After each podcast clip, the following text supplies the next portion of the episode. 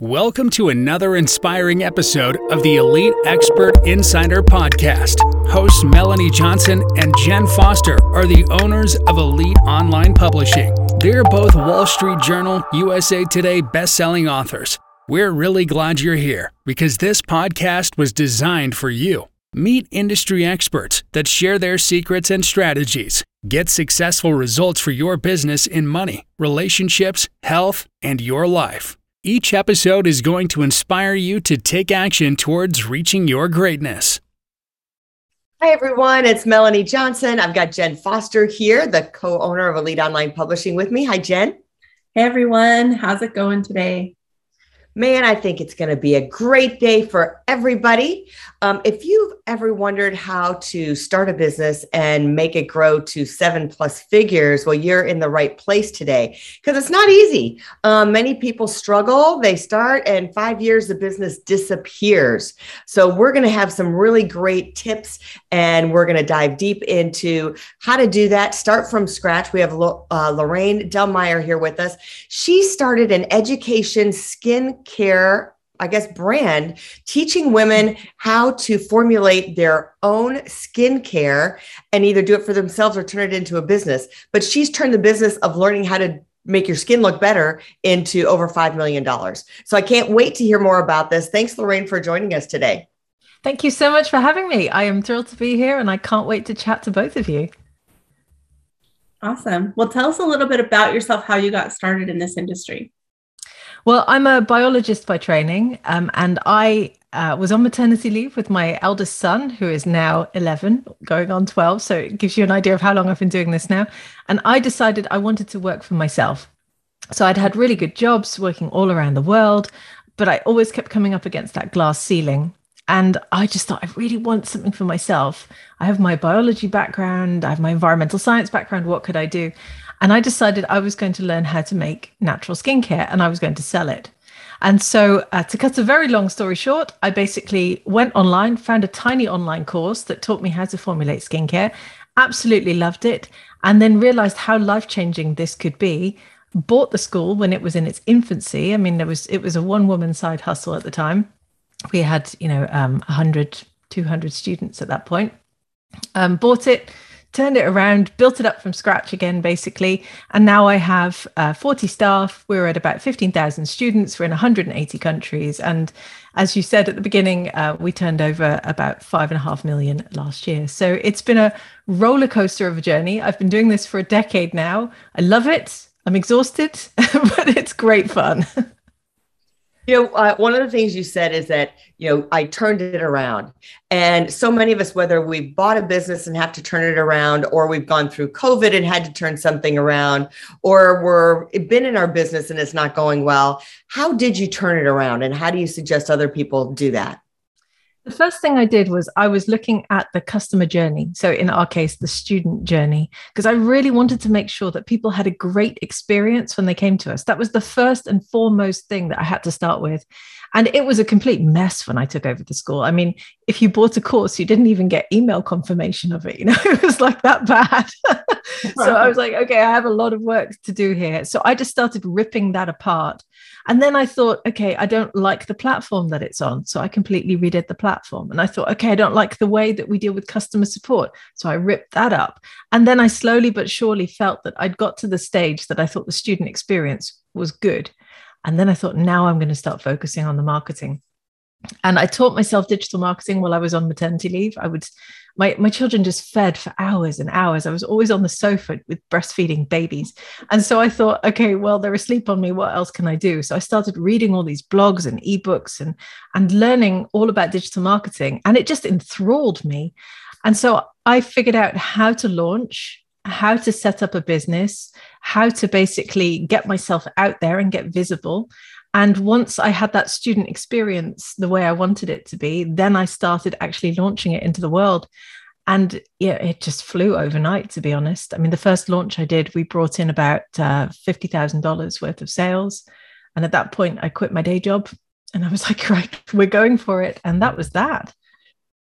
That's awesome and it's great that you you know took the time to educate yourself because i think that's one of the things that i know in one of the businesses that i owned in the past we bought the business and then we just kind of let the management that was in place already when we bought it just keep running it for a while. Mm. And we didn't really educate ourselves on a lot of things and just let them kind of run it into the ground until we were like, okay, wait, let me learn a little bit more about this and let's make sure that they're doing what they're supposed to do. And then we had to get on the management. And like you said, then you focus on customer experience and then you focus on marketing. So I love the order of the way that you did it because a lot of times people will just go straight to marketing and the customers mm-hmm. have horrible experience and your business goes yeah.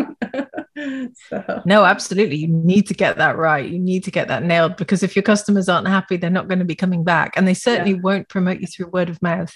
And I will say that the majority of our sales have come through organic marketing and word of mouth over the last um, years since I've been in the school.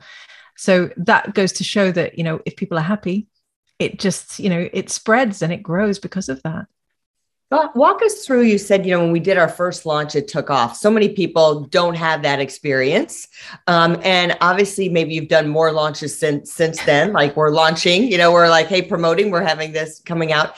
And walk us through the launch that you did and why you think it was successful. I have done more launches since then. I will say I've done dozens and dozens more. um, so that first one was a real learning experience for me because I realized that I had to first of all put myself out there and be really visible. And so I recorded um, a several videos of myself teaching. I follow the the classic sort of Jeff Walker product launch formula. I'm sure a lot of listeners have heard of him. I, I love Jeff. I'm part of his um, his inner group now as well. Yeah, and I just one. followed that process, and it worked so well because I was teaching people and they looked at it and they thought if this is the, what the free stuff is like the paid stuff must be awesome. And that is how i live and breathe all my launches because i want people to get tremendous value from it.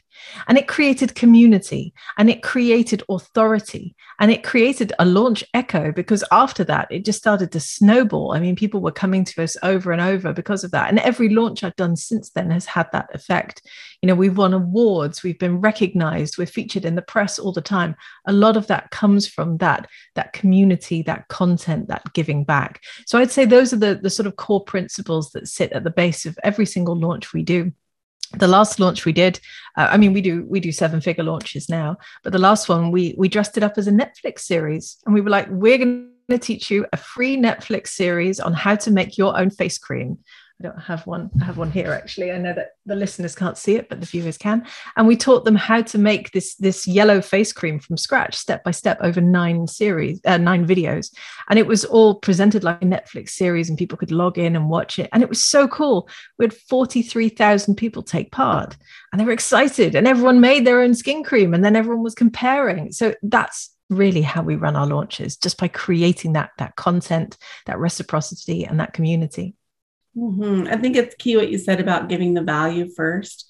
And I know a lot of people teach that, and Jeff Walker teaches that, but giving that yeah. value first before you're asking for money, because then they know that they can know, like, and trust you, and they've seen you on video and all the different things that fall into place to make it so that you know they can stay on your team or stay in your group or stay in your tribe or whatever you want to call it um, mm-hmm. through the course of whatever you're taking them through right yep. through the through the launch formula.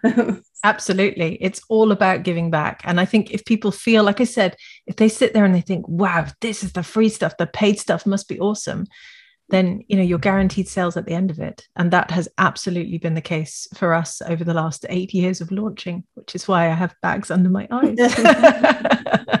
Mm-hmm. no, your skin well, looks great because yeah. you're making your own skincare products. So I was going to say I don't see them, so tell us what you use. How do you? Yeah, it's probably the Zoom filter. so what have been some of the difficulties obviously i mean having these great launches and million dollar launches are incredible but i'm sure you had some rough spots along the way yes yes i think every business owner does i mean the biggest challenge i've had has been building the right team and I am sure I am not the only person who has said this on your podcast, and I probably won't be the only person who says this, but it has been a real learning experience. I mean, finding the right people at the right time as well has been a, a big challenge. I will also say that the people I hired right at the beginning were not necessarily the people that I need with me now that isn't always the case, but in general, I found that I've had to change team throughout the years too. And getting to the stage, I mean, like I said, there's 40 of us now. You know i need managers in there. I have to i have a leadership team. I have coordinators. I have a help desk with you know 10 staff in there. It, we answer i think we answered 27000 help desk tickets last year. You know that gives you an idea of how big this is. We sent nine and a half million emails. It is huge this undertaking and you need to have the right people there. And i've made so many terrible terrible hiring decisions and i will live with that forever you know and you you live with the repercussions. But then when you find those fantastic people and i will say my team now is absolutely awesome then things really start to grow. But that has been oh one heck of an undertaking i have to say. Yeah i, I think they say hire fast and or hire slow and fire fast. Is that what it is? Did I yeah. say right? I can't even remember. Yeah yeah it. and that's hard that's yeah. really hard because you invest in people mm-hmm. and you want to see the best in them mm-hmm. i once attended a, a talk where uh, this really successful entrepreneur said you know i always go into every new hire expecting the best out of them and i have done the same since listening to him say that i thought i have to go into that as well so when you have someone and it doesn't work out it's really hard to to fire fast because you feel terrible but you have to because otherwise it's to the detriment of the business. It's almost like a bad relationship. You know it's yeah. like you keep like well maybe if we go to therapy and i keep doing this and I, if i work with them just a little more or if i can communicate and then it'll change. And um but i as i find with staff and companies you are growing you're constantly growing and changing. And um, just like people in your life they don't always grow and change with you. So sometimes you have to add new people in and and change the dynamic of that of how that looks um, and I imagine you're going to be growing even more as you go on, and some people will stay with you and some people won't, or they need to grow individually in a different direction as well. Yeah, yeah, so. absolutely right. Yeah, I mean, we are definitely going to hit eight figures, and uh, yeah, we may not have the same people with us at that point. It depends on them, really.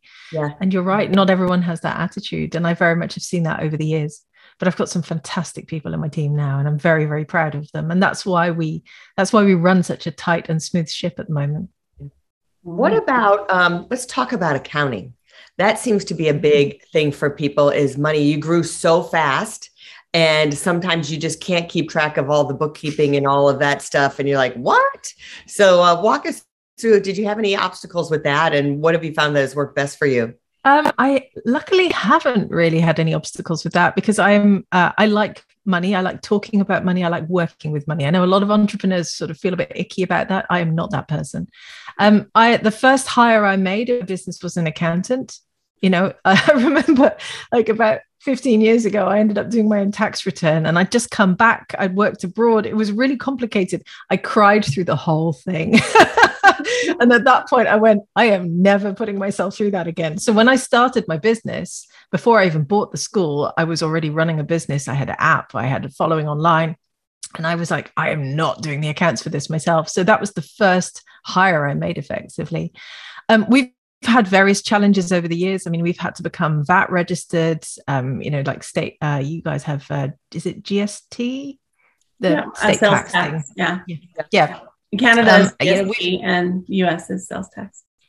Yeah. And so basically, up leveling each time has created new obstacles. I mean, even today, there've been like 20, 30 messages flying past about the latest tax return that's gone out. But it's not something that phases me. And I know that we've done a really good job with it, actually, because we immediately outsourced. I immediately outsourced. And I also got us into cloud based software as soon as I could, because it's just one of those things you have to track it properly. Otherwise, it all goes very wrong. I mean, we sold over 10,000 courses last year, and that doesn't include all the membership sales and all the little bits that come in here and there. I would not want someone sat there doing that manually. That would be awful. Mm-hmm. Yeah. So, so I hear you saying hire an accountant first whenever you start a business. That's the first thing you should do. Absolutely. And then second, make sure you have really good software that that runs your company for you so that you don't have to do everything manually. I think yes. I see that a lot in companies where the one person show she does everything or he does everything manually and then there's nobody that can really take over for him because he's doing it all himself or she's doing it all herself and no yeah. software or anything to do it right so on yeah, paper or but, whatever right if you're that person, then you know you're sat there doing all that work and you're not focused on your business. You're just Mm-hmm. dealing with the things that are so easy to outsource. Same with the legals. I mean, I had a lawyer straight away as well. And these things don't have to cost a lot in the beginning because you don't need them all that much. And if your business is small, then your accounts are small and everything's quite manageable. Um, but yeah, it's a scary step to outsource, but you have to start straight away. What um talk about tech and software, what software do you use to run your courses on? Um, you know, there's a bunch of different options out there. We're always asking people what they feel is the best, and maybe you've gone through several reiterations of what you use.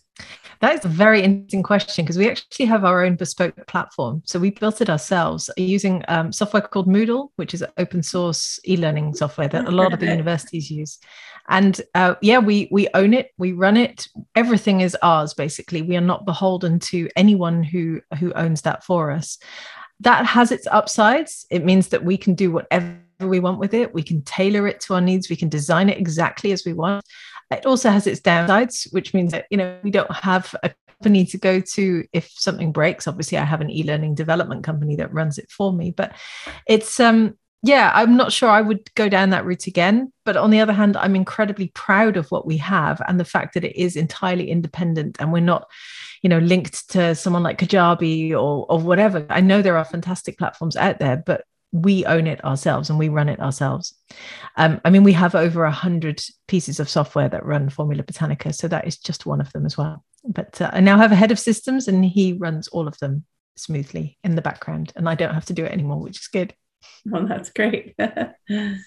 yes. And, and what about you were talking about you sent 9 million emails out. Um, when you're communicating with your customers, like you're running a launch, how many emails are too many emails and how many are not enough? Um, you know, trying to promote this and and we vacillate, you know, go back and forth with this. Well, maybe it's too much in their inbox. We don't want to flood that. And um, but then you need to get the message out and make sure you're reminding them, like, hey, we're having this launch. What do you Yeah. feel is uh, works for you? We during a launch, we tend to go with daily. I know some people go two, three times a day. I personally think that's overkill because if someone is engaged in your launch, then they will read that email. Saying that we don't just rely on emails. Yes, we sent nine and a half million last year, which I find a staggeringly, eye-wateringly amount. Um, but we also um, sent out tens of thousands of text messages and SMSs around the world. So when when a new piece of content goes live in a launch, for instance, you'll get an email, you'll get a text.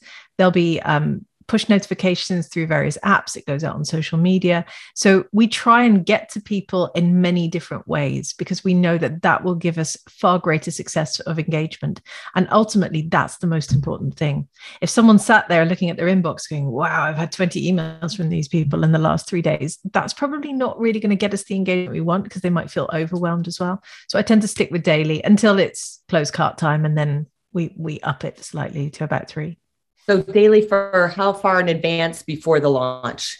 Generally, you start Before the launch, or- No, no, no. I, I would certainly wouldn't start with daily because uh, we tried to get people engaged so that they're already taking part. Before the launch, we might set two or three a week.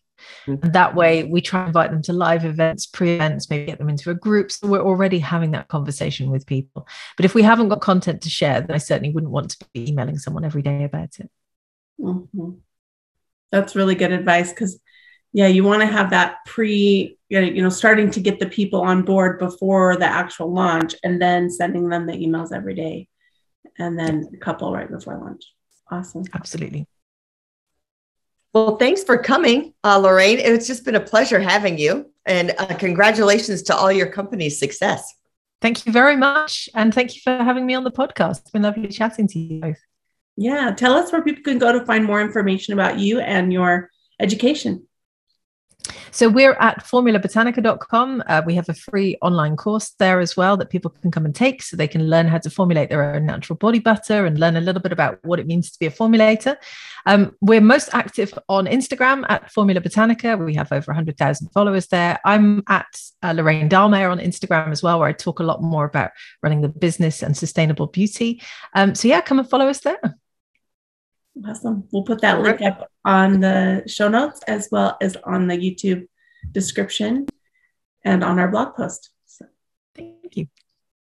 remember to subscribe to our podcast because we always have great information and we have a lot of fun while we're here. And if you're looking to write and publish a book, remember to reach out to us at eliteonlinepublishing.com. We guarantee your book will be a bestseller when you work with us. And we see you next time. Thanks for coming. Bye.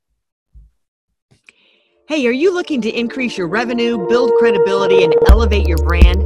This podcast is brought to you by Elite Online Publishing, an innovative publishing and full spectrum marketing company. They will publish and market your book to make it a number one bestseller. Becoming an author is the best way to market your business. So contact them at eliteonlinepublishing.com today. All of their authors become number one bestsellers.